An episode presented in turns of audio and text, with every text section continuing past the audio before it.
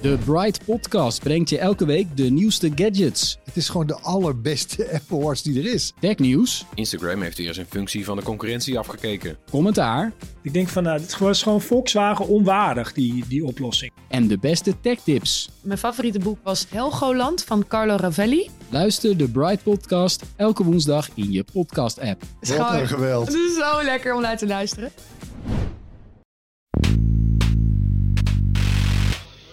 Vriend, wij hebben parlementaire geschiedenis gemaakt. En dat, kan, dat zou je, zou je de misschien eh, enige verdienste van dat kabinet kunnen noemen. Wij hebben parlementaire geschiedenis gemaakt. Door namelijk ten val te geraken, te struikelen over oneenigheid die onoplosbaar bleek vooralsnog, voordat zelfs het kabinet de eerste regeringsverklaring had afgelegd zich gepresenteerd had in het parlement. Dit is Betrouwbare Bronnen met Jaap Jansen.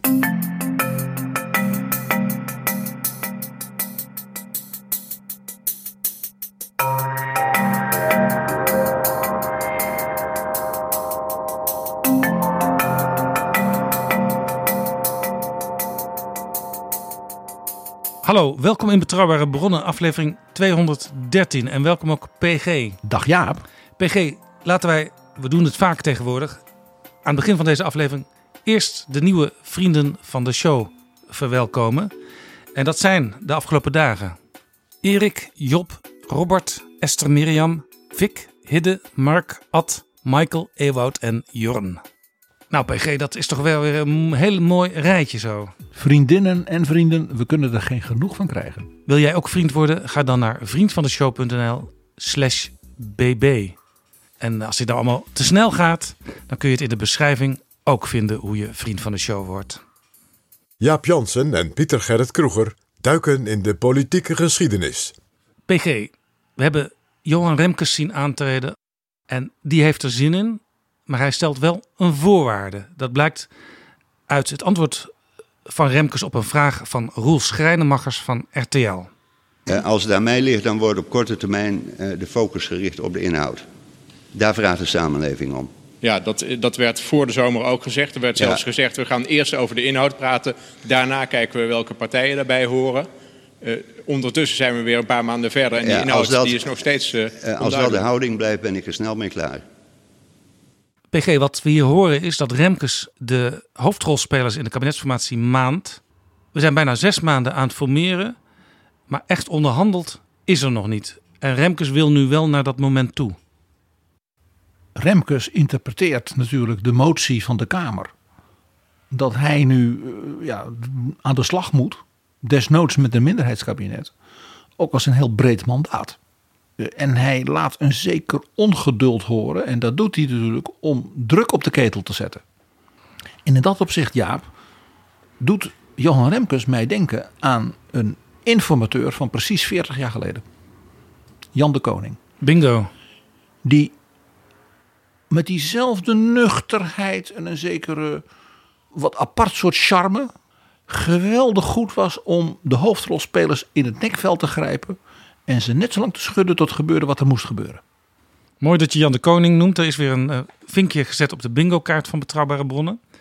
Deze formatie is een bijzondere formatie. Ja, dat, dat, staat, dat staat vast. Eh, heel veel formaties zijn natuurlijk bijzonder geweest in de parlementaire geschiedenis. En eentje, die gaan we er deze keer echt uitlichten. Dat is de formatie van 1981. Precies 40 jaar geleden. En zonder enige twijfel een van de meest epische, turbulente, dramatische kabinetsformaties. Het was een periode van onderhandelen en politieke strijd. waarin je de opkomst en ondergang van grote namen in de politiek zag. Het was meteen de lakmoesproef voor een nieuwe koningin. Beatrix. Beatrix was net aangetreden. Dit was haar eerste kabinetsformatie. En het was meteen een episch drama. En het was de lancering in de Nederlandse politiek van wat men het gouden duo noemde. Lubbers en de koning. En alles ging fout. In deze kabinetsformatie ging alles fout. Het kabinet dat tot stand kwam, ging ook fout. Maar het was de doorbraak in de Nederlandse politiek naar geheel nieuwe verhoudingen.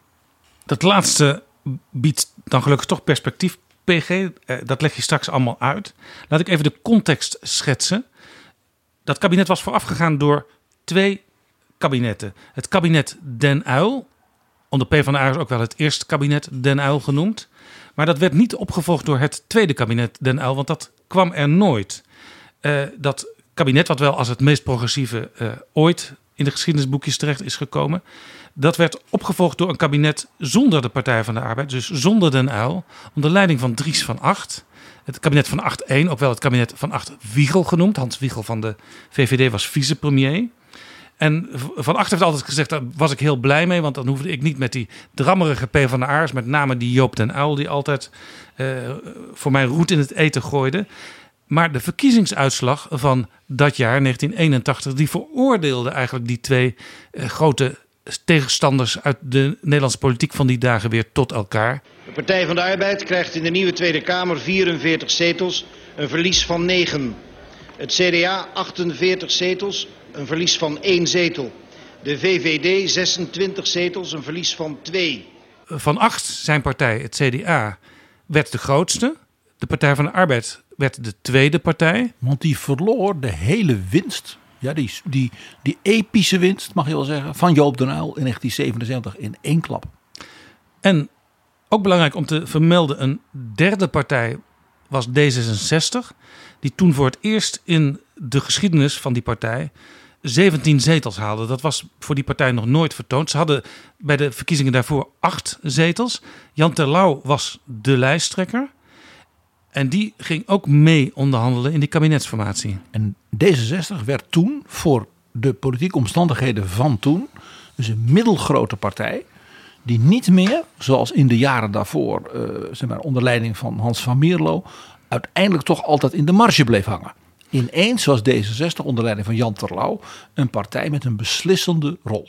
Ja, en het interessante is dat uh, we hebben het nu altijd in de discussies over meerderheidskabinet, minderheidskabinet. Uh, het CDA haalde bij die verkiezingen 48 zetels, Partij van de Arbeid 44, D66 17, maar 48 en 44 is al een ruime meerderheid. Ja, dus volgens de redenering van Mark Rutte en Wopke Hoekstra nu zou dus D66 overbodig zijn en daarom niet in die coalitie moeten, want ze was niet nodig voor de meerderheid. Nee, maar in die dagen hoorde je wel uh, we willen eigenlijk toch D66 er graag bij. Want die kan misschien ook als een soort smeerolie fungeren tussen al die tegenstellingen van CDA versus Partij van de Arbeid. En dat laten zien, dus dat dat soort zogenaamde wetmatigheden, zoals die bijvoorbeeld nu worden genoemd, dat die meestal gewoon verzonnen zijn. Uh, en dat ik er dan ook altijd een beetje om glimlach, ook als Wopke Hoekstra of Mark Rutte dat ineens roept over de Partij van de Arbeid en GroenLinks. Ja, er zat ook wel wat in in die smeerolie, want uh, D66 was onder Van Mierlo altijd, uh, had nogal dicht tegen de Partij van de Arbeid aangeschurkt. Maar onder de nieuwe leider, uh, Jan Terlouw, zat D66 bijvoorbeeld economisch gezien veel dichter bij het CDA. Ja, en die uitslag, zoals jij die nu duidt, maakte de positie van en het CDA en de Partij van de Arbeid en D66 alle drie helemaal niet comfortabel. Want het CDA, daar zeg je nou ja, hoezo niet comfortabel? Grootste partij.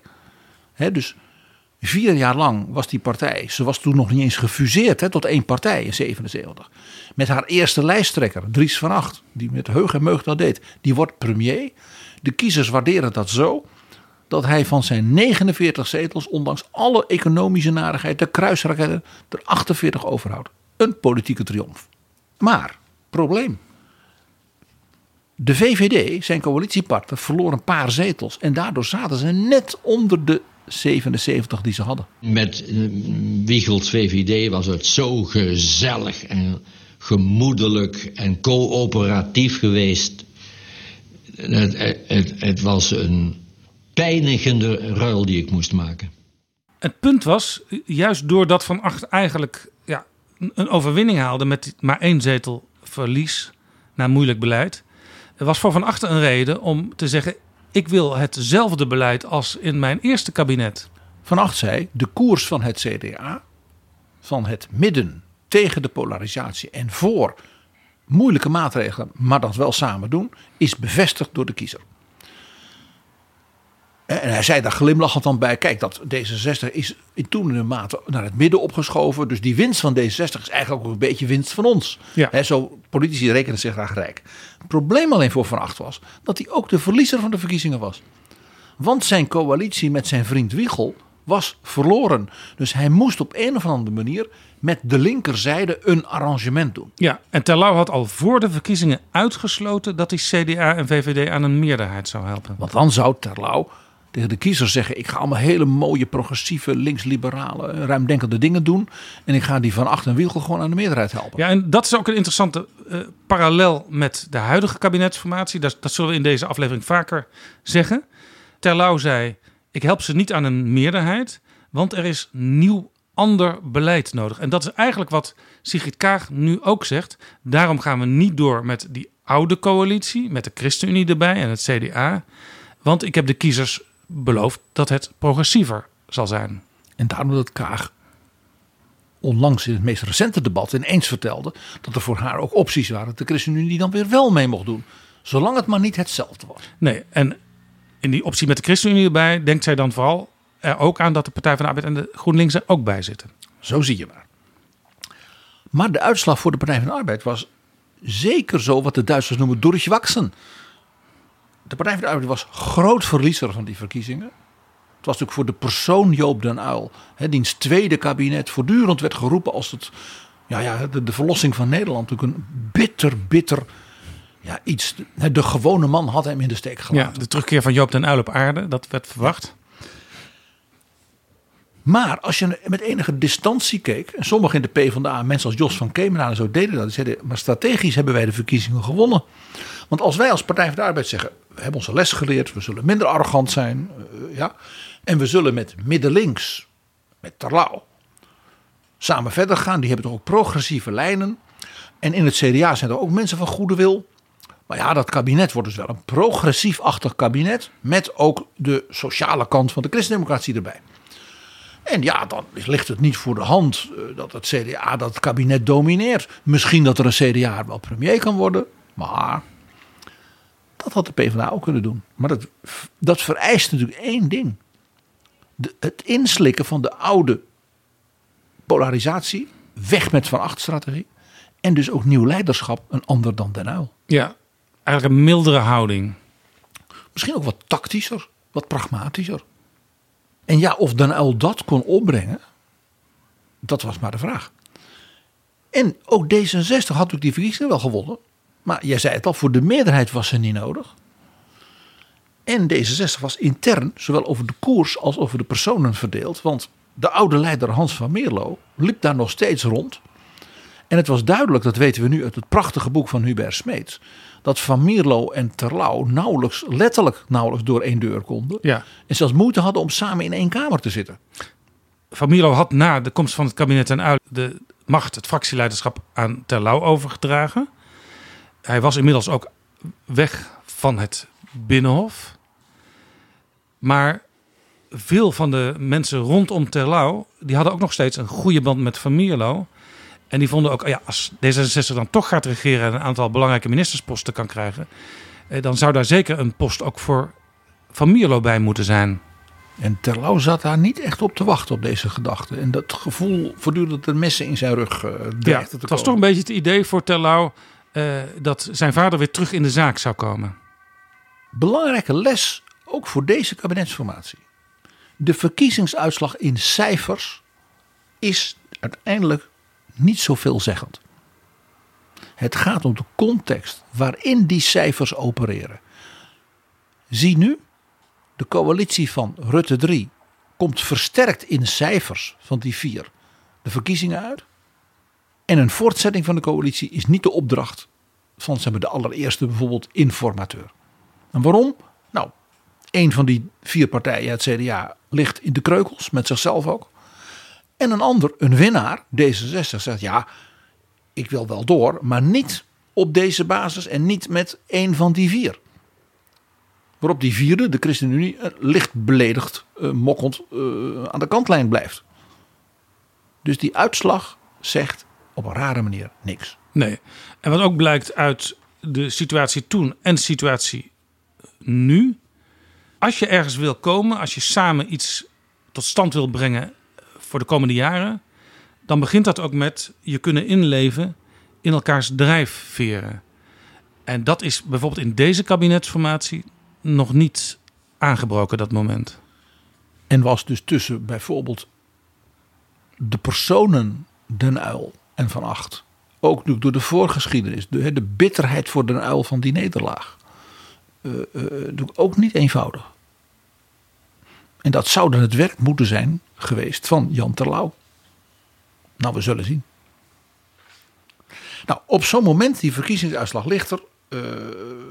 Ja, die wijst in een zekere richting, zoals dat heet. Dus wat gebeurde er dan? Dan ging in die tijd de koningin haar vaste adviseurs raadplegen. Dus die nieuwe koningin, voor die dat voor het eerst deed.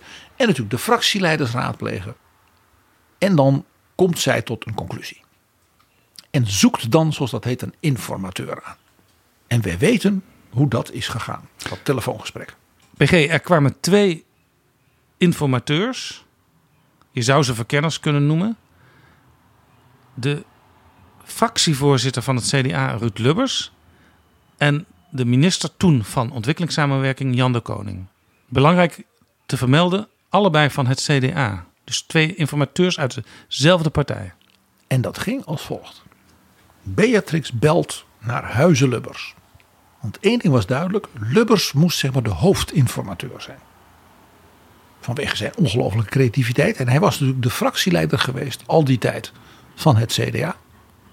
En heel belangrijk, minister van Economische Zaken, jong en dynamisch in het kabinet Den Uil. En hij kende dus ook, niet alleen vanuit het kabinet Den Uil, Den Uil, maar ook Den Uil als fractieleider, oppositieleider in die periode van het kabinet van Achtwiegel. En dus zijn opponent in die grote debatten. En Jan Terlouw als de nieuwkomer bij D66. En een generatiegenoot. En ook een wat pragmatisch, uh, modern denkende vent. En hij kende natuurlijk Dries van Acht als collega in het kabinet Den Uil, als premier en ook Dries zijn zeg maar, eigenaardigheden. De telefoon rinkelde in Kralingen. En de majesteit belt. En Lubbers die zegt, ja majesteit, ik, ik ben daartoe bereid. En waarop zij zei, nu is bij mij de gedachte neergelegd dat u het met z'n tweeën doet. Dat we er nog iemand bij hebben van wat meer, zeg maar, een oude rot in het vak, die breed wordt gedragen. Ook bij andere partijen, zodat het niet een te partijpolitiek CDA-ding is. Twee namen werden genoemd. En als eerste was dat de voorzitter van de Sociaal-Economische Raad. Jan de Paus. Jan de Paus. Oud-minister. Man uit de CHU, dus een protestant. Anders dan Lubbers. En sociaal-economisch, ze hebben de baas van de polder. Je herkent weer dingen van deze tijd. En het ultieme safe pair of hands. Dus dat was de ene mogelijkheid. Dus Lubbers het voortreffelijke vent. De andere naam die was gesuggereerd aan de koningin, die ze toch ook wilde voorleggen, was Jan de Koning. De minister, oud-voorzitter van de antirevolutionaire partij, uh, alom gewaardeerd, in zekere zin zelfs alom bemind in Den Haag. Uh, om zijn persoonlijkheid, zijn wijsheid, Ja. zijn humor. En in zijn presentatie altijd korter van stof en puntiger in zijn redenering dan Lubbers. Dat was bijna iedereen al vrij snel. Maar Jan de Koning had wel iets van Johan Remkes. Waarop Lubbers toen de onsterfelijke woorden heeft gesproken. Majesteit, als ik mag kiezen tussen de paus of de koning, dan heb ik liever de koning. De katholiek Lubbers die tegen de koningin zegt, mag ik kiezen tussen de paus en de koning. Het is, ik vind het nog altijd de beste grap. De meest snakige, uh, uh, slagvaardige opmerking in de Nederlandse politiek van de 20e eeuw. Dus dit verklaart ook totaal andere temperamenten, ook andere invalshoek, andere politieke afkomst binnen de Christen-Democraten. Waarom juist die twee daar werden neergezet. De koning werd natuurlijk zeker door Van Acht beschouwd als zijn safe pair of hands. En breed ook weer in die polder kende hem als de baas van het Groene Front. Ja, en van de landbouwman. in zijn kabinet met Wiegel niet altijd makkelijk gehad. Met Lubbers als fractievoorzitter, die natuurlijk met allerlei dissidenten in zijn eigen kring moest dealen. En Lubbers die zelf nog allerlei ideeën en plannen had eh, tegenover het kabinet. Waar het kabinet dan weer een antwoord op moest vinden. Eindeloos creatief, zoals dat heette. Eh, Dries van Acht heeft mij zelf een keer verteld dat als wij in het kabinet niet uitkwamen, dan vroegen wij aan Jan en Danny Tuinman van de VVD. De minister van Verkeer en Waterstaat. Dat die er nog eens even naar samen naar keken. En de volgende dag kwamen die met een oplossing. En Dries van Acht zei, die namen we dan over. Niet alleen omdat ze zo wijs waren, maar ook zo aardig. Nou, op die basis kwam dus dat duo Lubbers de Koning voor het eerst op het toneel. Dus als lastendragers van de koningin. Niet als partijpolitiek club. En één ding mag je vaststellen. Dit was een duo van verkenners, informateurs, dat precies begreep wat hun eigenlijke taak was. En dat is natuurlijk een hele belangrijke les ten opzichte van de huidige kabinetsformatie. Benoem als verkenners, informateurs, mensen die precies begrijpen wat ze moeten doen. Ja, in 2021 liep het meteen mis. Pieter Omtzigt functie elders, dat zegt genoeg. En het tweede duo verkenners is zelfs iedereen vergeten dat dat is benoemd. Ja, die zijn niet eens echt aan de slag gegaan. Exact. Die hebben ook niet echt in de Kamer het woord hoeven vooruit gebuit. Nou, wat gingen nou die Lubbers en de koning doen? Want het is ook belangrijk, het is fijn als je benoemd bent en je hebt het gezag van de koningin achter je, maar dan moet je wel wat gaan doen. Nou, die deden het volgende. Ze hadden een hoofdtafel. Dus Lubbers en de koning die ontvingen die partijleiders en het waren dus Dries van Acht, Joop de Uyl, Jan Terlouw. Met z'n drieën aan de tafel met hen twee erbij. Aan die tafel was onmiskenbaar Jan de Koning, zeg maar de leidende figuur. Zodat Lubbers kon spelen, zal ik maar zeggen, zijn creativiteit kon loslaten op de ideeën, verhoudingen, opties tussen die drie. Die hoofdtafel PG die stond toen nog in het gebouw van de Eerste Kamer. Zeker. Zodat Lubbers, die natuurlijk als informateur geen fractieleider van het CDA meer kon zijn, niettemin, want zo kennen we Ruud, via een geheim gangetje in het oude Tweede Kamergebouw en nog gewoon stiekem die baan erbij bleef doen. Dus ik moest hem ook regelmatig als jong medewerker af en toe stukken geven. Dat mocht natuurlijk officieel absoluut niet. Die hoofdtafel, daar zaten dus de partijleiders. En wat deden Lubbers en de koning daar? En dat was natuurlijk vooral het werk van de koning. Het elimineren van onderwerpen. Allemaal onderwerpen bedenken waar we het niet over gaan hebben. Dat is zo boeiend.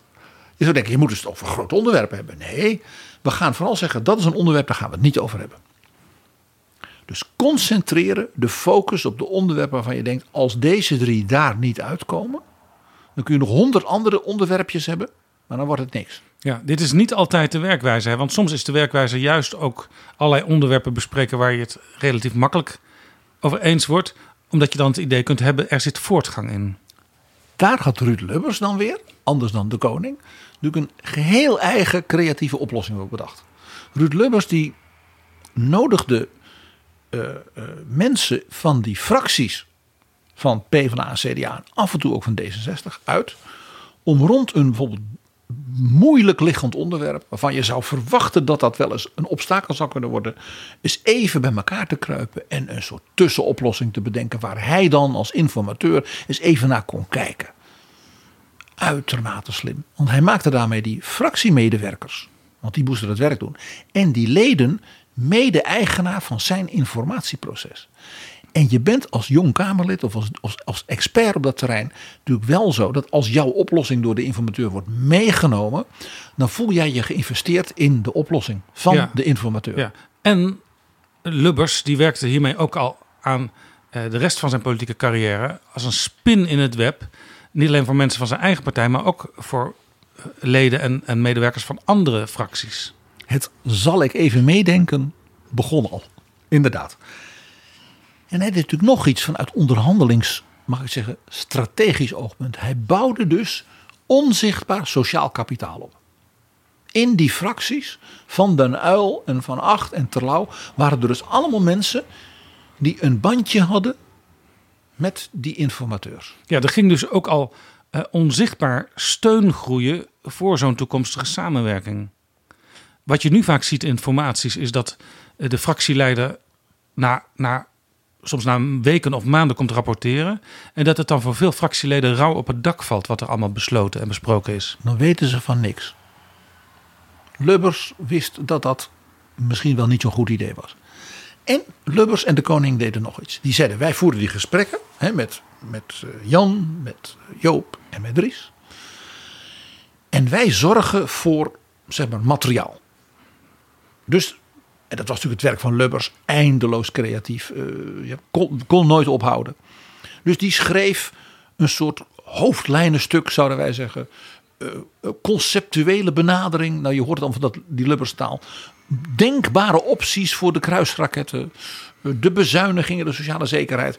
Dus er kwamen stukken van de informateurs op grond van de, de, de verkiezingsprogramma's van die partijen. Er werd dus hard gewerkt. Er werd heel hard gewerkt en Ruud Lubbers had toen al iemand, en dat was een rechterhand ook van de koning, die het heel veel werk deed op dat terrein. En dat was Hans Borstlap.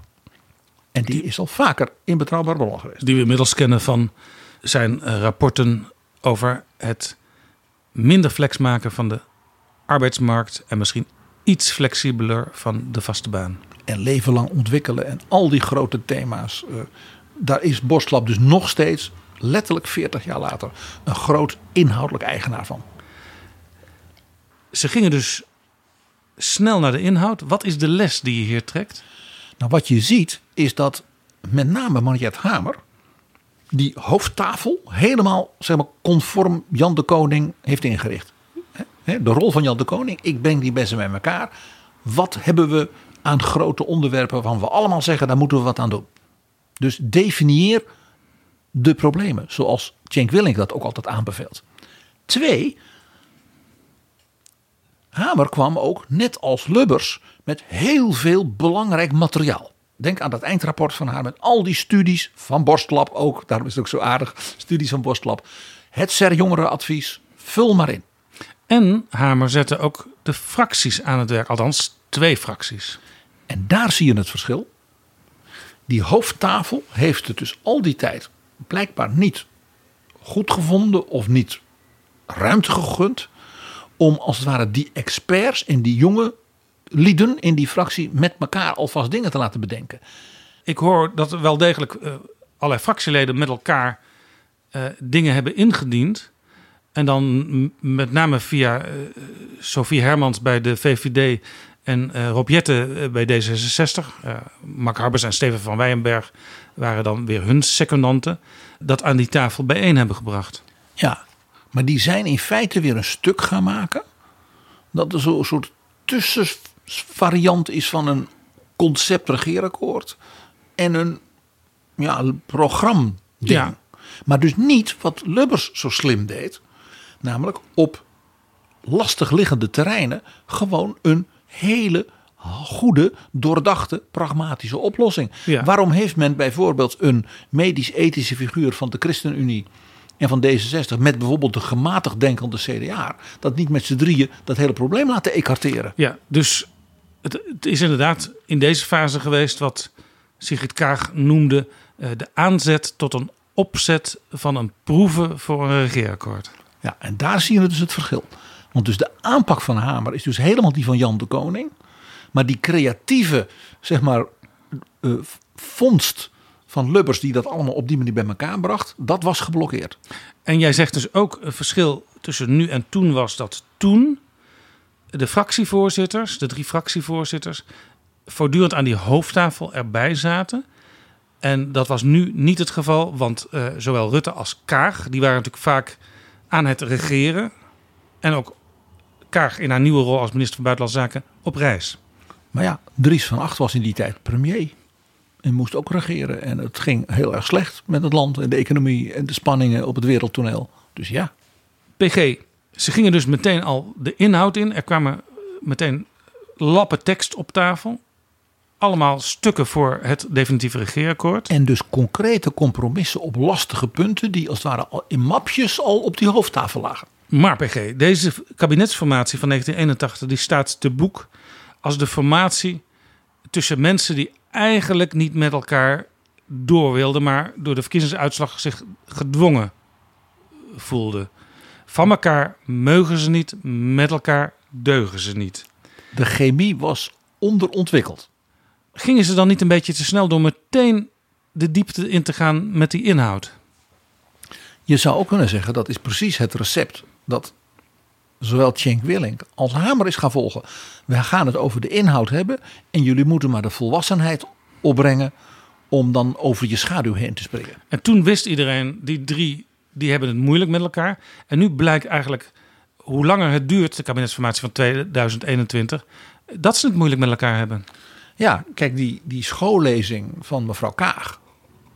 Het feit dat die geïnterpreteerd werd als een soort persoonlijke delegitimering bijna van Mark Rutte. Zegt dus heel veel over de verwachtingen die men bij dat soort woorden heeft. Ik heb het vooral gelezen dat het een soort afkeer is van de, zeg maar, de zeden en gewoonten van, van het Binnenhof. Van iemand die zich daar niet thuis voelt. En overigens, Alexander Pechtold heeft precies hetzelfde als een keer gezegd. Ja, het is hier vuil en vunzig, zei hij toen hij net minister was. En Van Mierlo vond het ook allemaal niks. Ja, nou ja, de oprichtingsakte van D66 zou je kunnen zeggen, was dat pamflet eh, waarin ook stond het moet allemaal anders. Daar hebben dus de spindokters van D66 wel enigszins gelijk van eh, in die schoollezing is eigenlijk niks nieuws gezegd. De spanning tussen natuurlijk van die politieke giganten, want dat waren natuurlijk hè, een Joop den Uil, een Dries van Acht. Die waren dus, iedereen wist dat. Er waren ook nog wat verborgen spanningen. En die zijn minstens zo interessant. Zie in de huidige kabinetsformatie de spanningen in het CDA, Pieter Omtzigt en anderen. En de effecten daarvan. Zo was er in de PvdA een enorme spanning.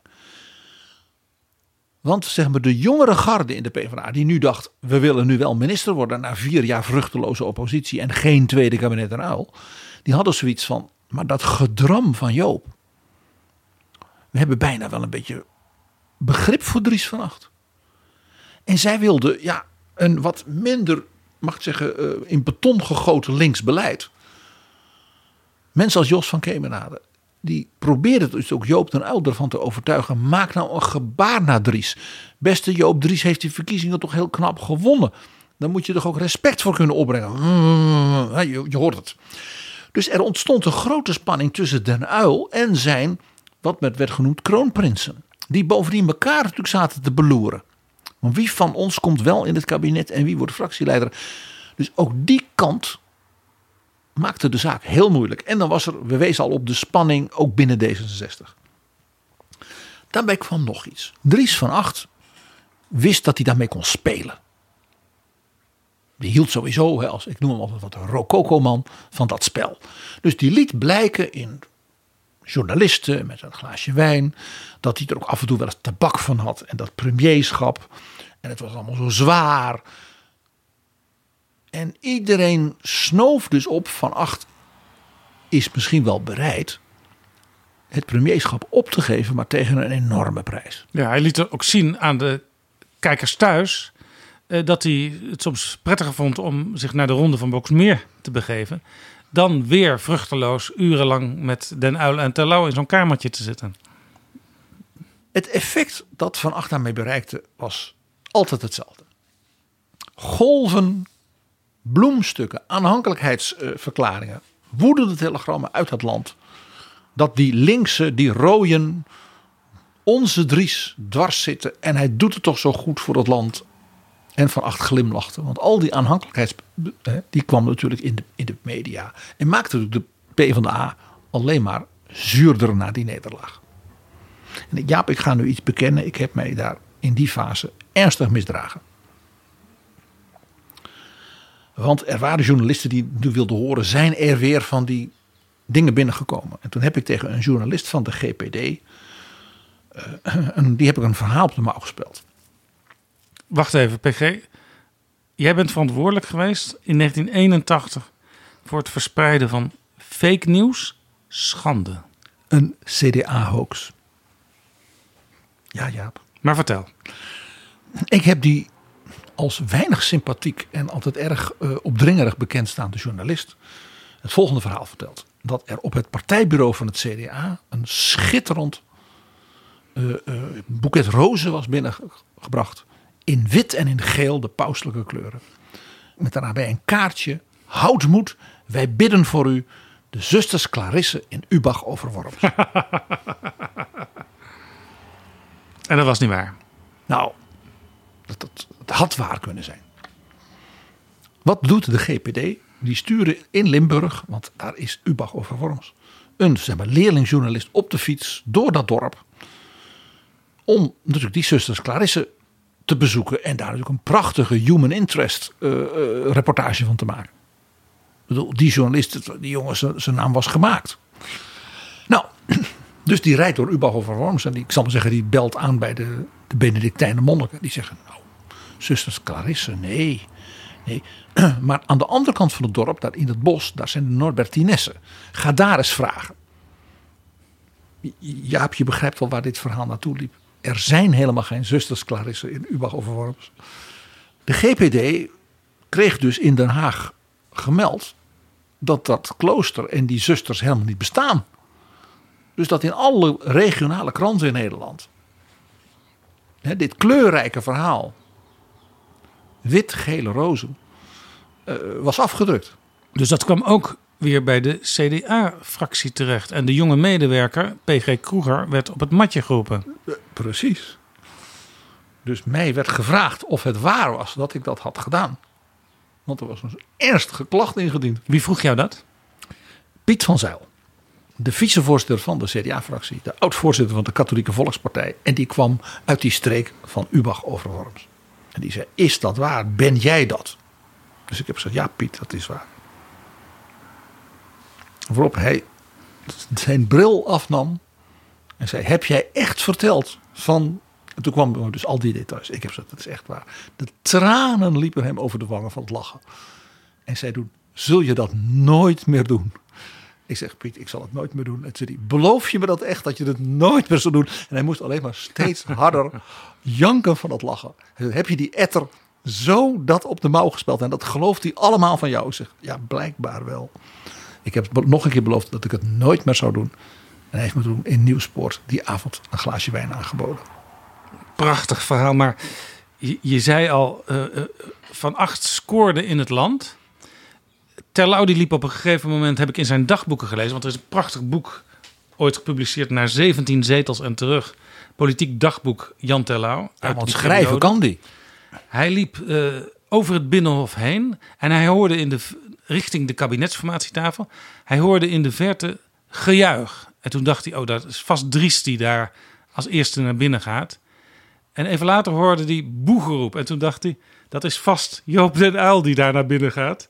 En toen hij zelf de deur uh, naar binnen ging, uh, werd er ook boe geroepen, maar iets minder hard dan bij Joop den Uil. Maar wat vooral natuurlijk in deze natuurlijk, ja, schande in mijn loopbaan uh, spreekt, is dat dus een journalist zeer ervaren voor alle regionale kanten in Nederland mijn verhaal onmiddellijk geloofde.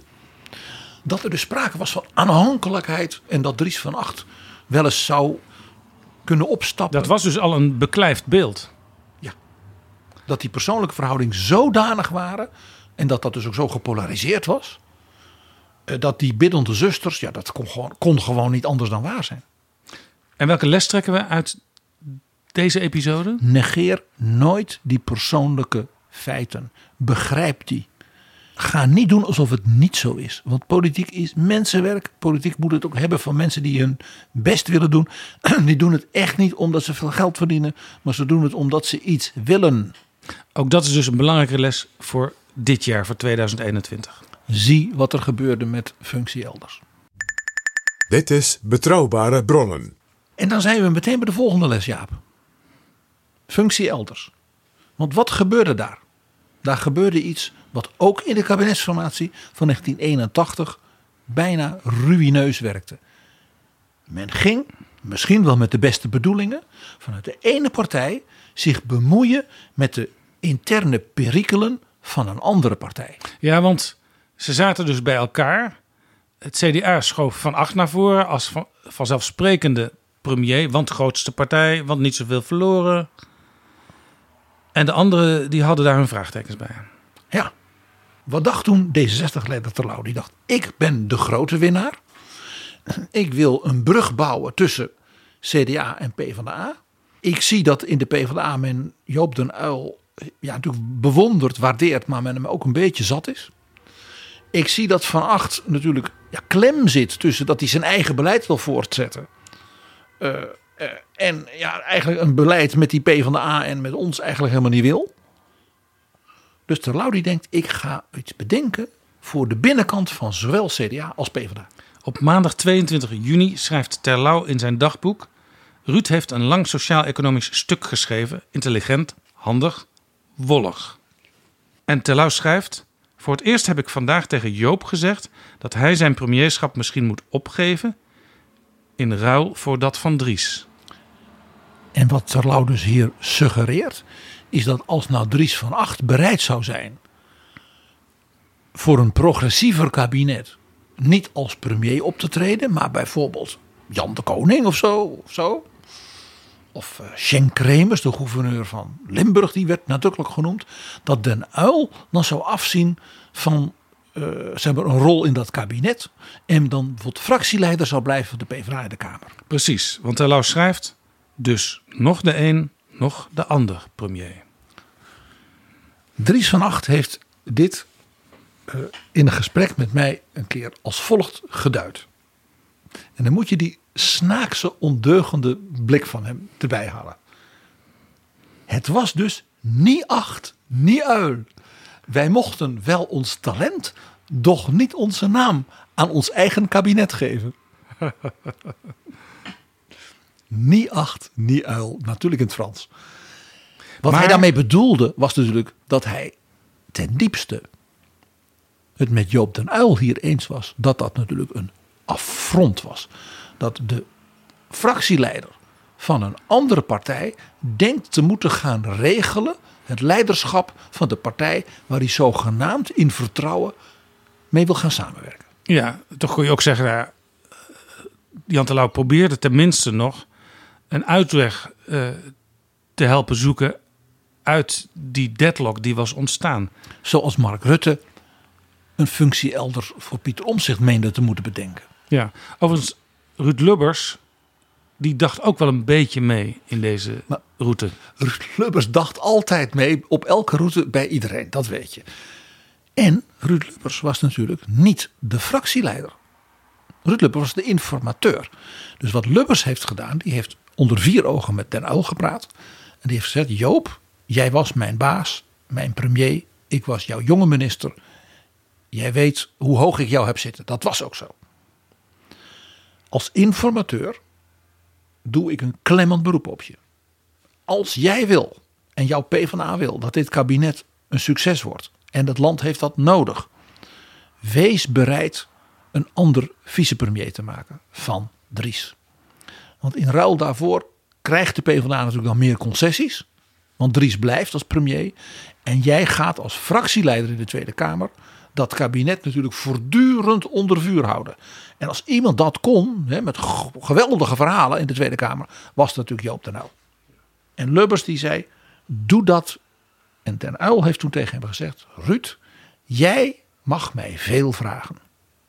Maar jij kunt van de Partij van de Arbeid niet vragen dat zij haar leider niet in het kabinet zet. Hij beschouwde dus die vraag als het verzoek om het opgeven van het leiderschap van de PvdA. Op 2 juli citeert Terlouw in zijn dagboek Van Acht.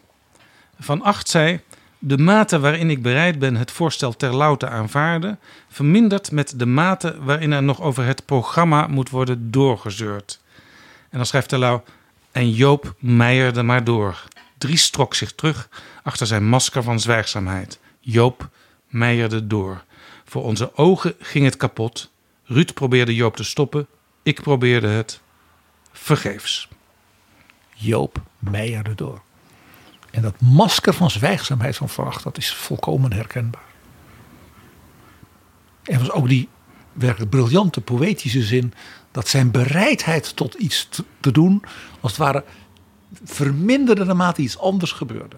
Maar je zag dus al in die kabinetsformatie dat de sfeer zodanig was dat het met dat kabinet eigenlijk niks meer kon worden.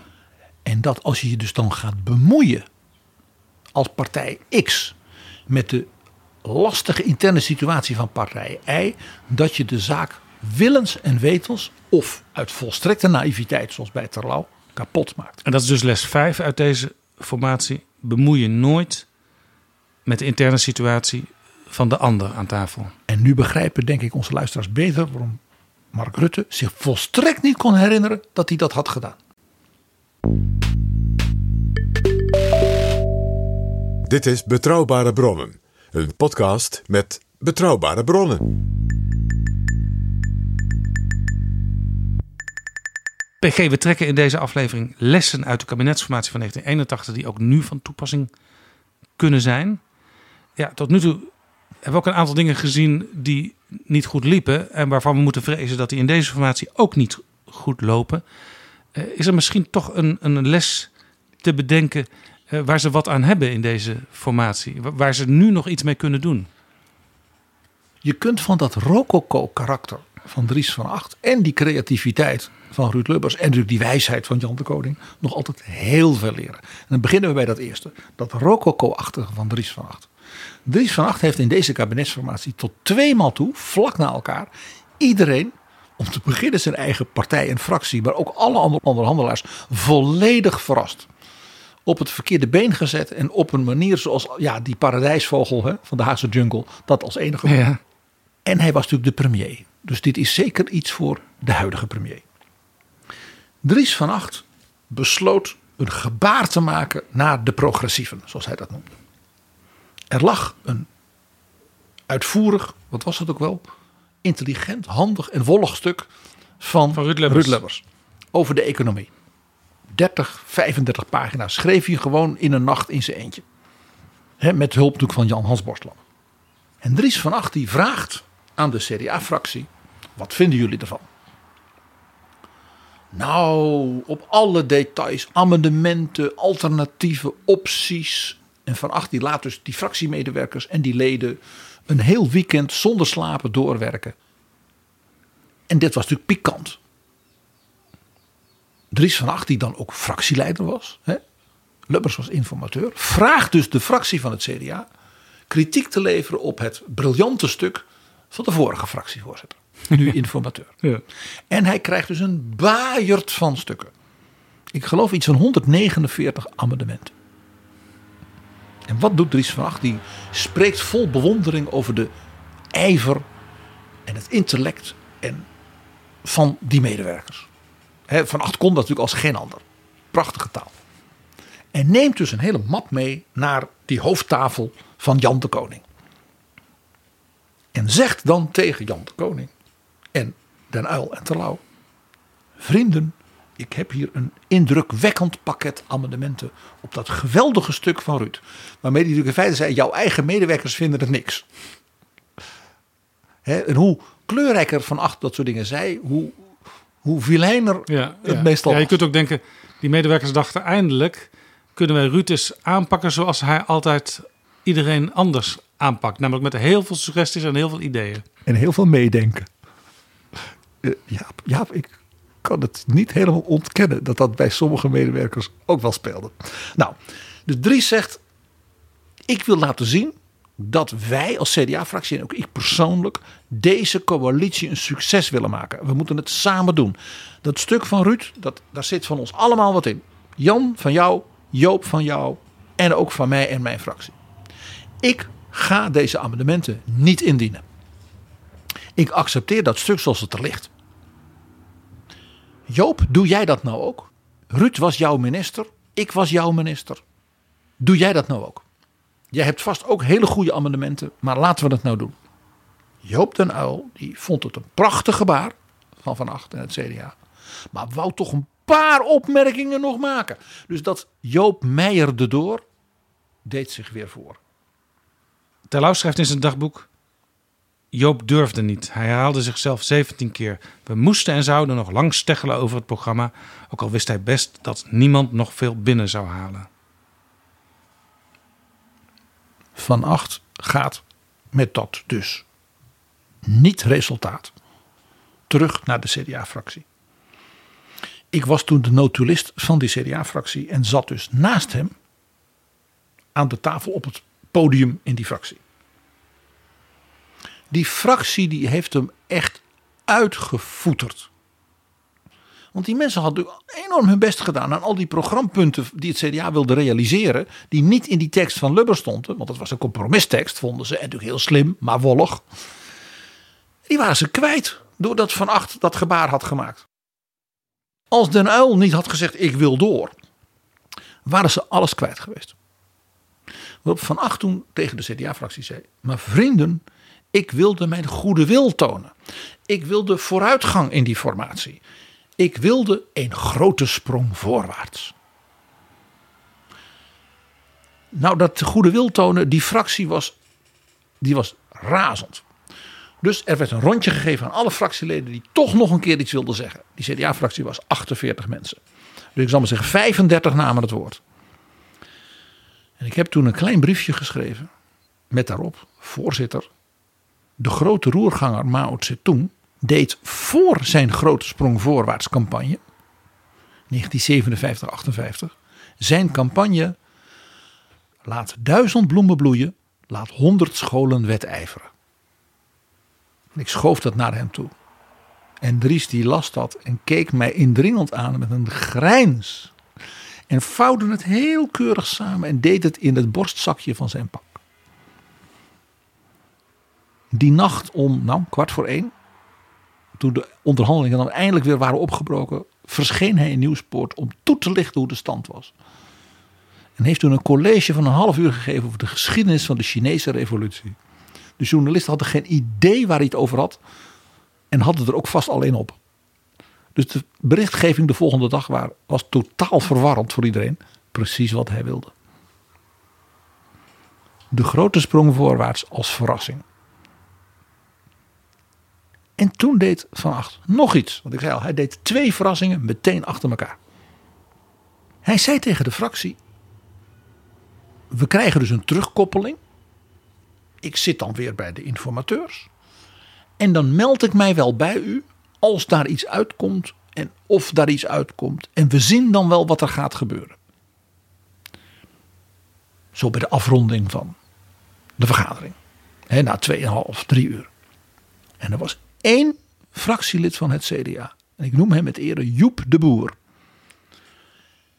En die had een groot voorrecht in die fractie. Dat was een militair, een katholieke militair. En die mochten dus zeer ongezouten uh, opmerkingen maken, uh, dingen zeggen tegen collega's en ook tegen de voorzitter als hij vond dat het gelul was en dat soort krachtige militaire taal. Iedereen was wel een beetje dol op Joep en hij mocht dat dus. En die steekt zijn hand op en die zegt: Voorzitter, mag ik dan wel even iets weten? En Dries zegt: Zeker. U gaat toch niet weer zomaar het bos in, hè? En Dries van achter grijnst. En die zegt: Nee, nee, nee, nee, nee. Joep, laten we nou zien wat er uitkomt. Joep de Boer had dus met zijn zesde zintuig iets gesnoven in die half open, half dicht, wat ongrijpbare non-conclusie van Van Acht. Want inderdaad, Dries van Acht had iets bedacht. Hij ging met de partijvoorzitter van het CDA, dat was Piet Bukman, de latere Kamervoorzitter, op bezoek bij Jelle Zijlstra. Bij Jelle Zijlstra, de, de bankpresident. Minister-president, bankpresident inderdaad, Nederlandse bank. Man op wereldniveau, ook als voorzitter van alle banken in de wereld. En een living legend. Een icoon in de Nederlandse politiek en zeker ook in het CDA en het protestante deel van het CDA. En ook oud-leider van de antirevolutionaire partij. Precies. En Dries van Acht meldt aan Jelle Zijlstra dat hij het niet meer ziet zitten. En dat een ander dat kabinet moet gaan leiden. Want met die economische problemen en die financiële problemen. En met ome Joop, die daar alles van weet. Dries zei: Jelle, je weet hoe ik hem bewonder. En hij is er zo goed in. En ik ben maar een eenvoudig jurist ja, uit Heilig Landstichting. En ik zie er tegenop. En met die socialisten en die D66'ers, die willen niet met de NATO verder. Met de kruisraketten. En ik heb het Helmoet Schmid beloofd. dan sta ik voor aap. Ik trek het niet meer. Er is maar één iemand die het kan, die het gezag heeft. Dat ben jij. En dat was ook de reden dat de partijvoorzitter Piet Bukman was meegenomen door Van Acht. Om meteen uh, dat consent van de partij erbij te geven. Het is geen wilde oprisping van Dries van Acht. Die hij wel vaker had af en toe. Dit was iets van de partij. Maar Zijlstra, die wilde niet. Die had daar helemaal geen zin in. Want die, is- die, ja, die was bovendien zeer kritisch geweest in zijn rapporten als bankpresident op het beleid van het kabinet Den Uyl. Dus die zei tussen mij en Joop, het zijn wel misschien alle twee gereformeerde jongens uit de ARP, maar En hij was ook niet echt te spreken over alles wat Ruud Lubbers al op papier had gezet. dat bleek toen. Die zei, ja, ik heb dat stuk gezien, hè, eh, intelligent, handig en wollig. De nadruk lag bij eh, Jelle Zijlstra op het laatste woord. En dat tweede woord was bij hem zelden een compliment. Dus Jelle Zijlstra is toen bereid gevonden om Ruud Lubbers te ontvangen, thuis, de volgende dag. Om hem als het ware te overhoren over die tekst. Dit zijn echt unieke momenten in onze parlementaire geschiedenis. Een informateur die op bezoek gaat bij een ja, privépersoon in een heel andere functie dan de Haagse politiek. Om met hem het regeerakkoord door te gaan nemen. Ja. Nou kennen we Ruud Lubbers als iemand die met allerlei rolwisselingen geen enkele moeite heeft. Zijn creativiteit was ongekend. Dat bleek ook in dat gesprek, want Ruud had zich helemaal geprepareerd. En die had voor Jelle Zijlstra op elk punt een toelichting. waardoor eigenlijk het omgekeerde van wat daar stond ook gelezen kon worden. Dus dat als Zijlstra nou premier zou worden, kon hij dat ook op zijn manier invullen. Daar werd Zijlstra helemaal niet vrolijk van. Want die dacht, iedereen kan er dus naar eigen gading van alles. En dat als compromis is dat misschien wel slim, intelligent. Maar er wordt eindeloos gezeur als we het er dan straks aan detail over gaan hebben. In de Tweede Kamer bijvoorbeeld. En vooral in het kabinet met een man als Joop den Uyl. Dus Lubbers ging min of meer onverrichter zaken naar huis. Maar Zijlstra wou er nog misschien wel over denken. Maar... En toen werd hij die avond gebeld. En het was dus duidelijk dat de informateur Lubbers had teruggekoppeld naar zijn opdrachtgever. Want dat was koningin Beatrix. Die belde Zijlstra. Heeft een klemmend beroep op hem gedaan om het verzoek van de heer Van Acht toch echt in overweging te nemen. Want de moeder van Beatrix was al niet zo dol op Van Acht. En Beatrix dus ook niet. Zijlstra heeft bedankt. De volgende dag lekte het uit. Dat Dries van Acht dat had gedaan. Je begrijpt, heel Den Haag stond op stelten. En die CDA-fractie, natuurlijk nog het meest van allemaal, op één iemand na. Joep de Boer. Die had het voelen aankomen. Les. Wees als de leidende figuur. En zeker als je ook nog de premier bent. In zo'n formatie, informatieproces. Op het juiste moment. Verrassend, creatief. En durf het aan om iedereen op het verkeerde been te zetten. Om te kijken of je als het ware de situatie kunt schudden. Zodat er ineens beweging komt en mogelijkheden komen. Maar het blijkt niet te werken. Eh, Jan Terlouw schrijft dat weekend in zijn dagboek. Het is bijna Groundhog Day, de film die toen nog ver in het verschiet lag. Alles verloopt volgens het voorspelde patroon. De zon is 's morgens op en 's avonds weer ondergegaan. De melkboer is geweest. Ik merk dat mijn weerzin met de dag toeneemt. Ik begin zeurpieten door de telefoon af te snauwen. En op de maandag na dat weekend krijgt aan de hoofdtafel de heer Van Acht het woord. En hij spreekt de aanwezigen al dus toe. Beraad in CDA-kring over het voorstel van de heer Terlouw, dus om mij terug te trekken, heeft opgeleverd dat de kandidatuur van de fractievoorzitter gehandhaafd blijft. Ik sluit mij daarbij aan, zegt Van Acht. En dan stelt Lubbers de vraag aan de fractievoorzitter van het CDA: blijft het premierschap een bespreekbare zaak? Van Acht. De conclusie is bereikt. Daardoor is de zaak die bespreekbaar is gebleken niet langer bespreekbaar. Het alternatief Jelle Zijlstra was voorbij. Een alternatief dat dus buiten die hoofdtafel en helemaal buiten Jan Terlouw, om die de melkboer voorbij zag komen, was gaan, gaan lopen. Maar toch, PG, de les voor nu dus durf te verrassen. Ook al blijkt dat niet altijd goed uit te pakken. Eh, maar ja, als er niks gebeurt, dan gebeurt er niks. Dus dan moet je het soms anders proberen. En dan is dat de verantwoordelijkheid van de nummer 1 in het spel.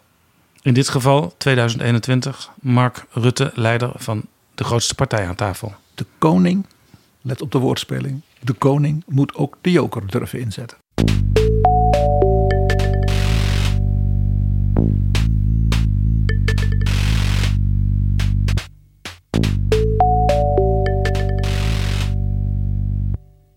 PG, je hebt tien lessen. Laten we snel naar les 7 gaan. En die les is ook een les uit het optreden in deze kabinetsformatie van die nummer 1. De man om wie het draaide, Dries van Acht. En dat is een andere les dan de vorige. Dat is namelijk, je moet nooit je hand overspelen en vooral niet in de eigen kring. Je zag dat overigens in dat 1 april debat van deze kabinetsformatie. Waarbij Rutte zijn hand had overspeeld met functie elders. Vervolgens riep dat hij het zich niet kon herinneren. Vervolgens meldde dat hij s morgens om half acht was gebeld. En dan wilde niet zeggen door wie. Om te vertellen dat hij uit zijn nek had gekletst. Dat was je hand overspelen. Van Acht heeft dat ook gedaan. Ook weer in een dramatische vergadering van die CDA-fractie. Wat gebeurde er? Er was een uiteindelijk soort eindresultaat. Met die amendementen over de economie en de, de kruisraketten en wat al niet. Dus een concept regeerakkoord van Lubbers en de koning. Grotendeels natuurlijk teksten van Lubbers, strategie van de koning. En Van Acht die zegt in de CDA-fractie... ik heb voor u onderhandeld en ik vind dat ik het niet goed gedaan heb. Ik kan hier niet mee leven. Hè? Eh, dit gaat op twee, drie punten zo ver dat als u het wil accepteren, dat we toch op die manier dan een regeerakkoord sluiten, dan kan ik niet de premier zijn. En hij wees met name op de kruisraketten. Daar was namelijk bedacht, we spreken niks af, we zien wel hoe het loopt. En Van Acht zei, ik heb bondskanselier Helmut Schmid. En iedereen dacht, de sociaaldemocraat, dus de P van de A-man in Duitsland. Belooft dat Nederland Duitsland niet alleen zal laten. Met andere woorden, hij had dus aan tafel ingestemd met iets waar hij later toch weer over begon te twijfelen en waarvan hij de conclusie voor zichzelf trok: ik kan het toch niet trekken dit. Ik kan het persoonlijk niet verantwoorden. Daarmee dus in feite zeggend, de PvdA en Joop den Uyl hebben er blijkbaar geen enkel probleem mee hun eigen partijgenoot, de nummer 1 van die familie in, Duits, in Europa, het mes tussen de ribben te steken. Want dat is de andere kant van deze vrome tekst. Dus Van Acht zegt, ik, ja, ik breng het nu in stemming. Dat is echt heel dramatisch. Het is gestemd. En dus niet in geheime stemming, publiekelijk. Uh, Toch ook weer een teken dat Van Acht eigenlijk helemaal geen zin meer had in, in überhaupt een rol. Dat gesprek bij Jelle Zijlstra was een serieus gesprek geweest. Ik ben daar ook doordat ik er natuurlijk bij zat. Ik was een jochie Jaap. Ja, als notulist. Bij de fractie? Ja. Daar ook dus persoonlijk van overtuigd geweest. Ook uit de intensiteit. Dus er wordt gestemd in de CDA-fractie. En er zijn, ik noem maar eens wat, 17 leden voor doorgaan met de kabinetsformatie en de onderhandelingen op basis van dat stuk van Lubbers en de koning. Waarvan de fractievoorzitter, de onderhandelaar, net zegt dat hij het zelf niet meer voor zijn rekening wil nemen. En de anderen waren tegen voortzetting en volgden dus van acht. Nou is dat dus al een aanzienlijke verdeeldheid. Maar goed, je bent een club, dus dan zeg je dat is de einduitslag, dat doen we. Maar iedereen zat wel te kijken van zo, dat is een aantal mensen tegen. En dat waren niet één of twee querulanten. Dat waren serieuze types als de jonge Wim Deetman. Dat was onder andere die Joep de Boer, die katholieke militair. Nou, je zou denken, een harde rechtse man. Nee, dat waren mensen van de sociale vleugel. Dat waren mensen uit, in de volle breedte dus van die fractie. Maar goed, de rest had voorgestemd. Oh nee, want toen gebeurde het moment. Toen stak Jan de Koning zijn hand op. En die zei: Voorzitter, ik wil een stemverklaring afgeven. Nou, als Jan de Koning het woord nam in die fractie, dan was het stil. En die zei: Voorzitter, ik vind persoonlijk er voldoende grond in de stukken om de onderhandelingen voor te zetten en dus die coalitie te sluiten en het kabinet te formeren. Maar ik vind dat dat kabinet niet kan zonder u als zijn voorzitter. Van acht. En dus als u zegt: Ik kan op deze grond het voor mezelf niet verantwoorden, ook naar Helmoet Schmid, om premier te blijven, dan kan het dus niet. Ja, en dan kan ik de koning niet voor voortzetting stemmen. Dus Opmerkelijk voor de man die een van de twee informateurs was. En als het dus zo niet kan, dan kan het niet. Een echte Jan de Koning, eh, hè? als het zo niet kan, dan kan het niet. En daarmee, ja, die stemverklaring was natuurlijk van een zodanig gewicht. Dat toen werd gevraagd of er mensen zijn die, die deze denklijn van de koning wilden bijvallen. En toen zei een groot deel van de fractie dat ze het daarmee eens waren. En toen moest Van Acht constateren dat die fractie dus uit drie lijnen bestond. 17 die sowieso hadden willen doorgaan. Een hele grote groep van ver in de 20 die Jan de Koning volgde. En een kleine groep die Van Acht volgde.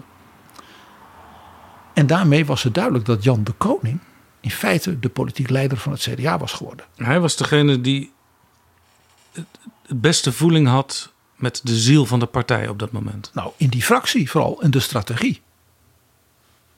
Men vond dat Van Acht zijn strategie dus niet meer gevolgd moest worden.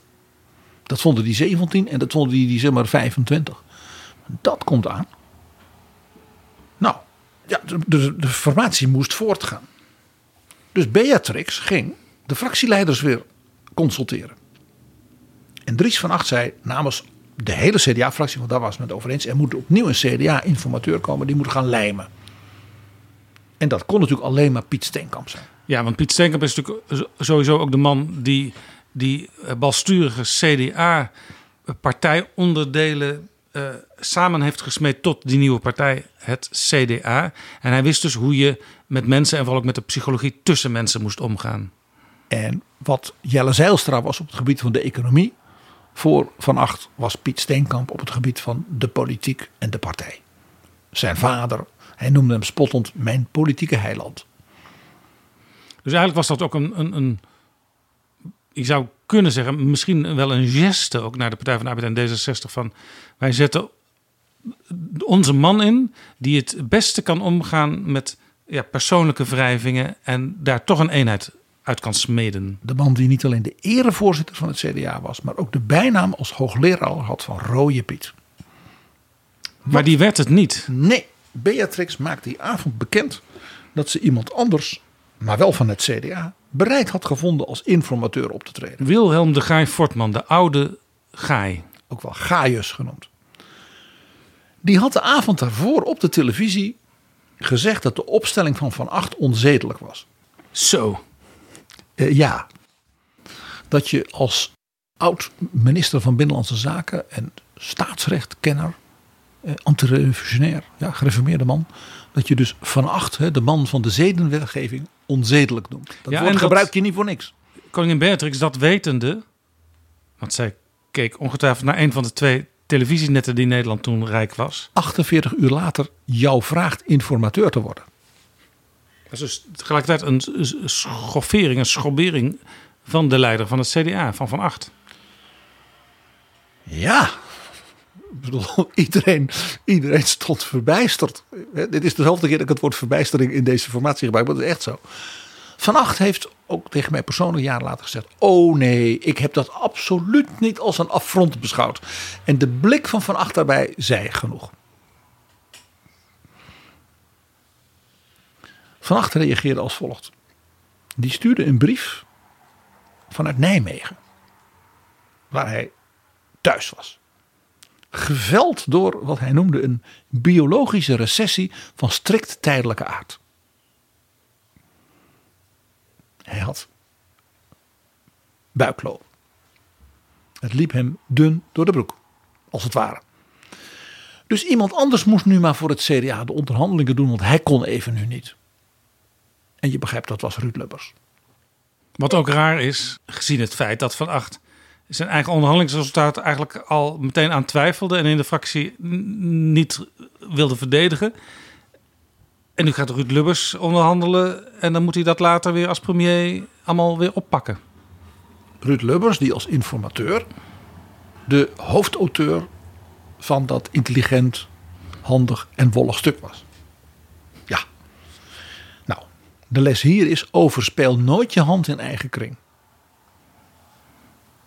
Want dan in zekere zin is dat natuurlijk het begin van het einde van je leiderschap. En dat bleek ook in de periode daarna. Iedereen wilde er natuurlijk nu van af. Situatie waar we in, op dit moment nog niet helemaal in zijn. Maar ik sluit niet uit dat het heel snel wel zou kunnen komen. Dus dan is er meteen. Van die formatie af. Ja, dan is meteen een les die dan ook weer uit 1981 getrokken kan worden. Men ging toen snel afronden, zoals dat heet. Dus het, de eindtekst die er lag was natuurlijk grotendeels dat verhaal van Lubbers. Met dus nog wat tussenoplossingen. Met de kruisraketten. Men heeft men toen bedacht dat er een voetnoot van de PvdA zou komen. Bij de afspraak dat de PvdA, als het zover was, zich niet gebonden hoefde te achten. Ja. Ehm, maar je zou bij wijze van als je even naar nu transformeert, naar tw- 2021, dan zou je dus zeg maar de stukken van Cenk Willing, de stukken van Hamer, het liberale stuk bij elkaar vegen, plus nog wat nuances door de andere partijen binnengebracht, en dan over twee weken proberen op het bordes te staan. Want Remkes heeft niet veel tijd. Ja, je dus slaat er een nietje omheen. Je noemt het een bijlage, dat stuk van eh Rob Jetten en Sophie En je Hermans. denkt, God zegene de greep. Ja. Nou, de, de man die dat mocht doen, was dus die Limburgse gouverneur Schenk Kremers.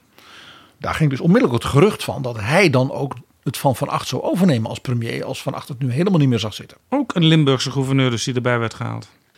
Eh Schenk Kremers liet zich iets ontvallen over het werk van Ruud Lubbers. Het was bekend dat Schenk Kremers en Ruud Lubbers geen grote vrienden met waren, omdat natuurlijk ook rivalen waren. En die zei, ja, die teksten van Lubbers in dat regeerakkoord, dat is net een bord spaghetti dat over de rand hangt en het tafellinnen bevuilt. Dat doet mij weer denken aan de typische Peter van Straten tekening uit die dagen. Waarin je eh, spaghetti uit het hoofd van Ruud Lubbers ziet komen wat echt alle kanten uit vliegt. Dat is een symbool is ook wel van die wolligheid als die oneindige creativiteit. Ze gingen dus toch met elkaar regeren. Het eh, bleek onvermijdelijk dat Van Acht premier zou worden, ook van dat kabinet. Er moest natuurlijk iets gedaan worden om Joop ten Uyl een beetje tevreden te stellen. Die werd uiteraard eerste vicepremier. Maar hij werd ook nog minister van Sociale Zaken en Werkgelegenheid. Er kwam ook een nieuw bordje in de tuin van het ministerie. En werkgelegenheid, dat was weer tegen het zere been van Jan Terlouw. Want dat was eigenlijk een beleidsaspect wat vooral belegd was altijd bij zijn ministerie, waar hij als tweede vicepremier ging zitten, economische zaken. Dus er werd meteen een hap uit zijn ministerie genomen. En het betekende ook dat ze in de praktijk van alle dag, Terlouw en Den Uyl, steeds met elkaar moesten vechten om de details van dat werkgelegenheidsbeleid. Inmiddels stond de teller van de werkloosheid op 600.000. En de Partij van de Arbeid met haar leider Joop den Uyl, meijerde maar door, bleek ook weer rupsje nooit genoeg. Een ministerschap, maar dat dan worden opgetuigd en dat gaat ten koste natuurlijk van de collega en dat moet hij maar slikken. En je ziet het allemaal misgaan. Dagboek Jan Terlouw, 28 augustus. Als het nieuwe kabinet er komt, zullen Joop en ik de ene botsing na de andere hebben. En al heb ik me van de week nog zo kwaad gemaakt op Dries, met hem zal ik uit de voeten kunnen. De onderhandelingstactieken van Dries van Acht, hoe merkwaardig soms ook en verrassend en zich zijn hand overspelend, hadden dus wel succes, moet je vaststellen. Joop den Uyl raakte geïsoleerd van zijn eigen progressieve voorkeurspartner. En den Uyl maakte toen een echte klassieke fout. Hij heeft bij de presentatie van dat kabinet een vraag gekregen van een journalist. Maar ja, u heeft nu dat superministerie, want zo werd dat genoemd.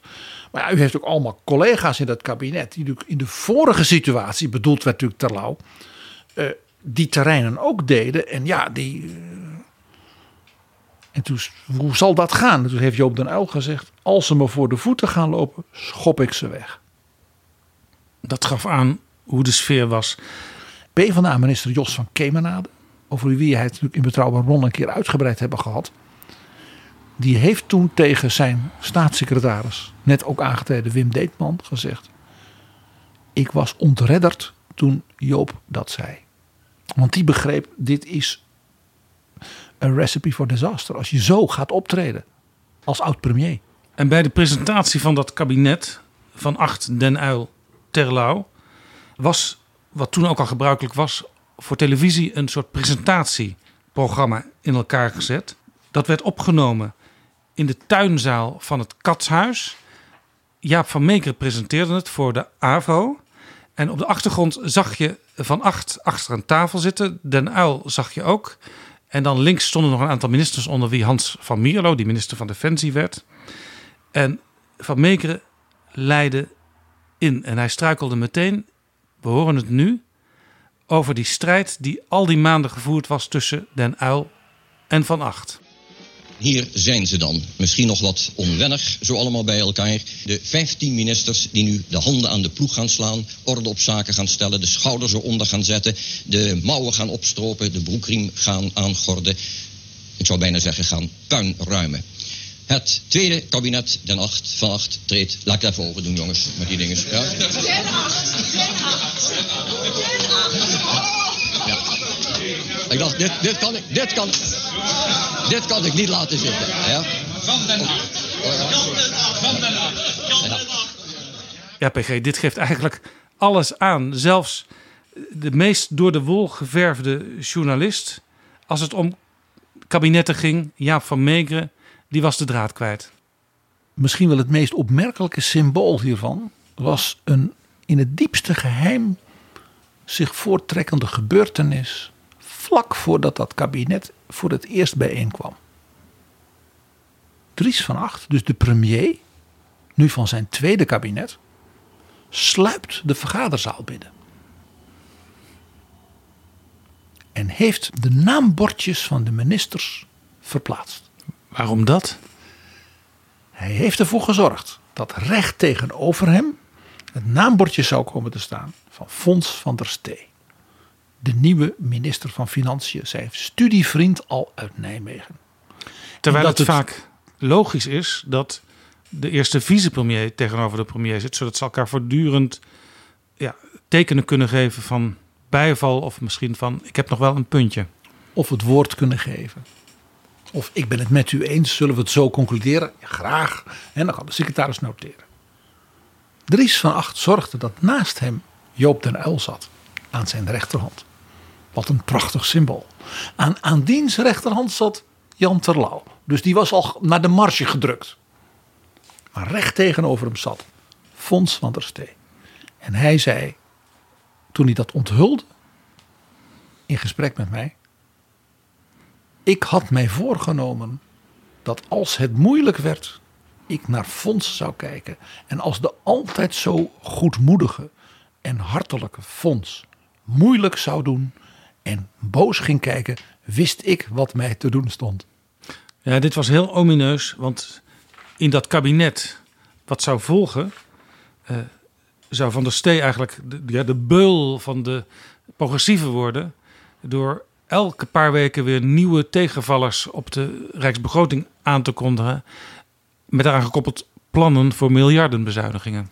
Die hij voortdurend goed afstemde met zijn jonge, frisse en energieke collega op economische zaken, Jan Terlouw. En die ook een pijn in de nek zouden zijn voor Joop den Uil. Want Joop den Uil had geld nodig, veel geld, voor zijn banenplannen.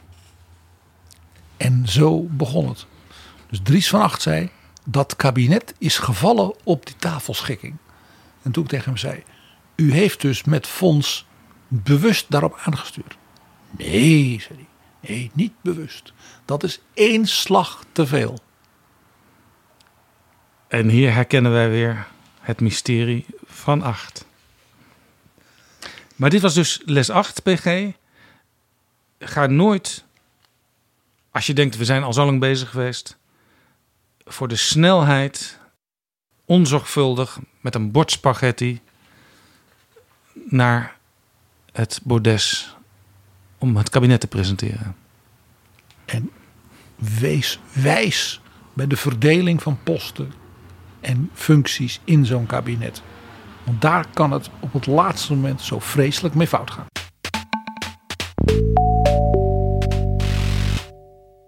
Les 9. Nou, dan is het dus zover. Maar wie zet je dan in dat kabinet? Na zoveel perikelen. Moet je dan voor de Band of Brothers gaan? Moet je zeggen: nee, ik hou niet van koffie drinken, alleen maar zakelijk? Er zijn allerlei mogelijkheden. Jan Terlouw maakte een enorme fout. Want die haalde Hans van Meerlo als een soort paard van Troje het kabinet binnen. Ja, en die fout die werd veroorzaakt, zou je kunnen zeggen, door Laurent-Jan Brinkhorst. Uh, want die was eigenlijk voorbestemd om naar het ministerie van Defensie te gaan. Uh, maar Brinkhorst, die al een aantal jaren in de Tweede Kamer het woord voerde over de kruisraketten, uh, die dacht: ja, ik loop daar volledig in vast in dat dossier. Dat lijkt mij niet aantrekkelijk. En Hans, die is zo creatief, die kan misschien nog wel een uitweg bedenken. Wat een ongelooflijke dapper politicus, die Brinkhorst. Den Uyl, die had natuurlijk in dat enorme gedoe en dat maar doormeijeren, hè, ter te citeren. Al die kroonprinsen en die mensen die in de PvdA wel iets van wilden maken van zich vervreemd. Dus wat deed hij? Die haalde die allemaal het kabinet in. Zelfs de burgemeester van Rotterdam, André van der Lauw, want die was een mogelijke kroonprins. Dus die moest in het kabinet om als het ware medeplichtig te zijn en onder Joop te dienen. Schiet mij ineens te binnen dat jaren later, toen Kok de leider van de Partij van de Arbeid was, plotseling ook de burgemeester van Rotterdam, Bram Peper, naar het kabinet gehaald moest worden. De geschiedenis herhaalt zich dus af en toe gewoon. En wat Den Uyl deed, is wat Balkenende deed in 2007. Alle mogelijke rivalen in het kabinet zetten om ze aan je te binden. Eurlings, Verhagen, Van Bijsterveld, Klink. Dezelfde fout. Wat gebeurde? Die bewindslieden van de PvdA die gingen dus vooral als kroonprinsen elkaar zitten beloeren. Want zo werkt dat in de politiek. En die gingen vooral Joop den Uil belemmeren. Want één van hen wilde natuurlijk laten zien dat hij de echte leider was. Dat was Jos van Kemenade. Zoals wij eerder al een keer hebben gedaan. En Joop den Uyl ging dus allereerst ook in eigen kring ten onder. Les 9. Denk na over de mensen die je neerzet. Heb Want... een strategie bij die benoemingen. Waarom zet ik wie waar neer? PG, tot slot. Les 10. Die is heel ja, tegendraads. Wat ben je van mij gewend, ja. Dit kabinet van 8-2, zoals dat werd genoemd, viel al nog voor het überhaupt in de Tweede Kamer was geweest. De tekst van de regeringsverklaring, dus wat gaan we nou zeggen wat we gaan doen, leidde tot zoveel onmin dat het kabinet viel. En er twee professoren uit de PvdA werden ingehuurd om het economisch deel te lijmen. Op een zodanige manier dat die speech die Van Acht zou kunnen schrijven. alsnog zou kunnen worden gehouden. En zo is het ook gegaan. Ja, het, het conflict ging op dat moment, we hadden het er net over. over de gelden voor de banenplannen van Den Uyl. Natuurlijk. Fons van der Stee zat niet voor niks achter dat verplaatste bordje.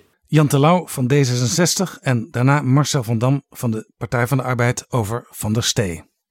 De minister van Financiën kwam bij iedere kabinetsvergadering met nieuwe sombere verhalen. En dan vonden de CDA-ministers en ik ook vaak dat we daar rekening mee moesten houden. En voor de Partij van de Arbeid was het heel erg moeilijk. Ik herinner me heel goed de ergernis ook die van de Stee wekte. Met iedere week had hij weer iets nieuws om te bezuinigen. Dat kabinet heeft het nauwelijks een half jaar volgehouden. Uh, de ministerraad heeft een besluit genomen. En hoe luidt dat? Dat is een besluit van meerdere pagina's. De Partij van de Arbeid was tegen dat besluit. Het besluit is dus aanvaard. Is het afgelopen met het kabinet, eh, meneer Van Acht? Ik kan alleen maar zeggen dat ik nu naar de koningin ga. Dat ik over tien minuten op het Paleishuis ten Bosch moet zijn. Zo luidt de afspraak. En vooruitlopend op het gesprek met de koningin... kan ik u fatsoenshalve alleen al geen enkele mededeling doen.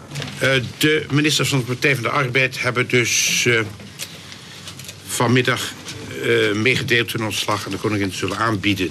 Het is voor iemand met een daadkrachtige aard als ik... is het altijd aangenaam als er in ieder geval iets gebeurt... vanuit een situatie van stagnatie, van geen daadkracht. Maar op zichzelf is het natuurlijk buitengewoon onaangenaam... dat het kabinet weer zo in moeilijkheden is gekomen. En toch, Jaap, en dat is les 10. En toch. Het is in een aantal opzetten het belangrijkste kabinet in de ontwikkeling van de Nederlandse politiek sinds Drees. Want dit kabinet en de snelle val in dit hele gedoe maakte duidelijk dat de oude benadering van de vroegere rooms-rode coalities, hè, zoals Van Drees, en de polarisatiestrategie van de linkerzijde, maar ook van de rechterzijde van Wiegel, en met name ook van de persoon Den Uyl, ook niet meer werkte.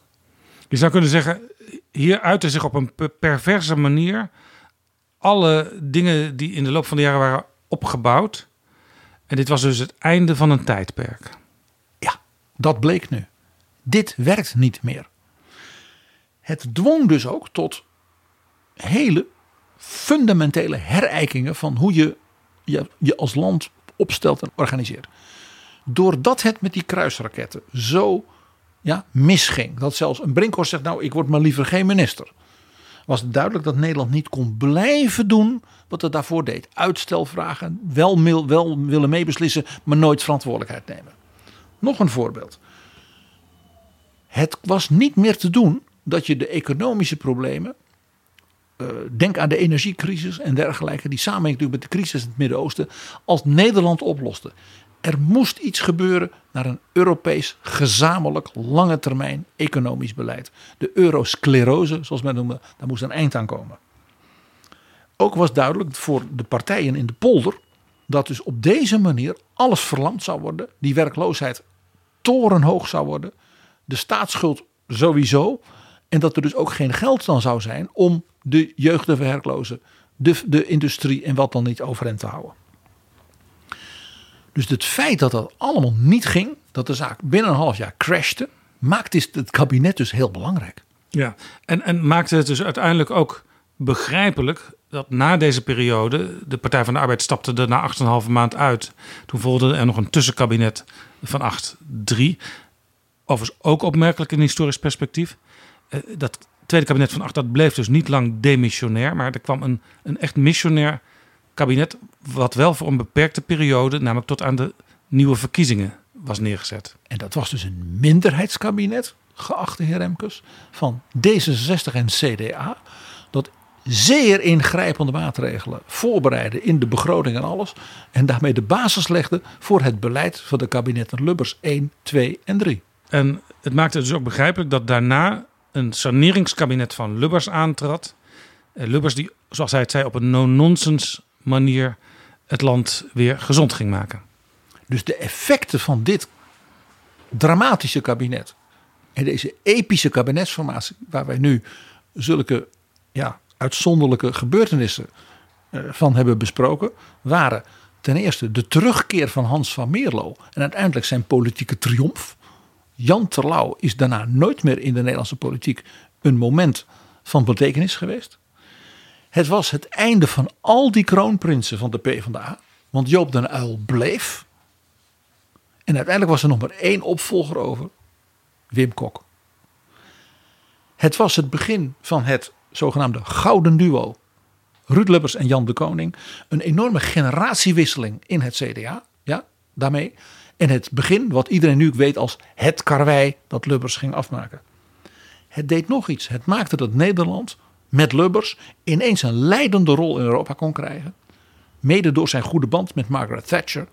Op datzelfde moment trad in Duitsland Helmut Kohl aan. In Frankrijk François Mitterrand, 81. Jacques Delors.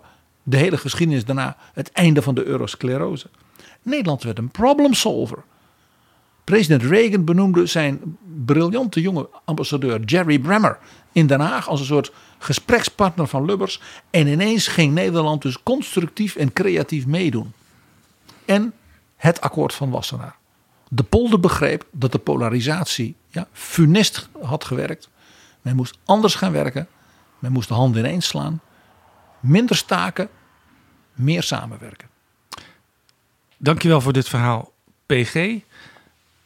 Dit verhaal over de formatie van 1981, waarin politieke leiders niet over hun schaduw heen wilden stappen, dat zien we ook in 2021. Laten we luisteren naar Jan Hoedeman van het Algemeen Dagblad, die een vraag hierover stelt aan informateur Johan Remkes. Meneer Remkes, hebt u geduld met mensen die denken, met politieke leiders die denken dat ze geen chemie hebben en niet over hun schaduw willen heen springen? Ik ga ervan uit dat verantwoordelijke politici dat wel kunnen en dat ook doen als de situatie daarom vraagt. Waar? En dat ze ook uh, hun, uh, als dat nodig is, hun persoonlijke gevoelens aan de kant zetten. Want er mag van verantwoordelijke politici worden verwacht dat ze op een zakelijke manier met elkaar willen samenwerken. Een oproep dus van Johan Remkes om op een zakelijke manier met elkaar in gesprek te gaan. In dat minderheidskabinet dat Johan Remkes nu moet gaan verkennen en informeren. Dat is zijn opdracht van de Kamer. Ja. We hebben nu gezien dat na Van 8-2 er een minderheidskabinet kwam van CDA en D66. Dat dus de bodem legde voor het succesvolle beleid van de kabinetten Lubbers nadien. Zou dat iets zijn? Ik heb het aan Remkes gevraagd in 2018, in het eerste seizoen van Betrouwbare Bronnen. Remkes had toen een rapport geschreven over de democratie, over de rechtsstaat. Dat rapport heet Lage Drempels, Hoge Dijken. En daarin schreef Remkes al over een minderheidskabinet. En hij zei er toen tegen mij dit over. Dat, dat functioneert in sommige Scandinavische landen. Functioneert dat heel uh, fatsoenlijk.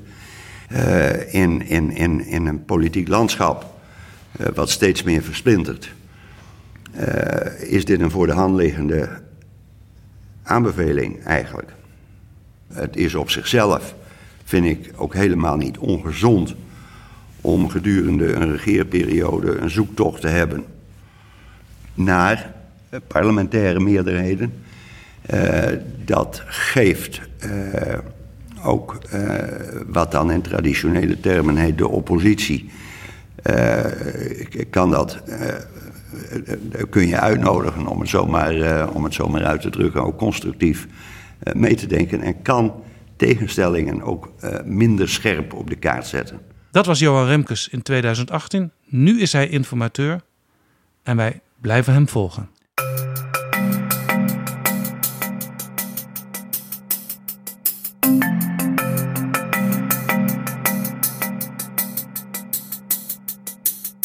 Zo, dit was Betrouwbare Bronnen, aflevering 213. Deze aflevering is mede mogelijk gemaakt door de vrienden van de show. Mensen die met hun donatie een waardering hebben laten blijken voor Betrouwbare Bronnen. Ben jij nog geen vriend van de show? Laat daar dan nu verandering in komen. Ga naar vriendvandeshow.nl/slash bb. Tot volgende keer. Betrouwbare Bronnen wordt gemaakt door Jaap Jansen in samenwerking met dag en nacht.nl.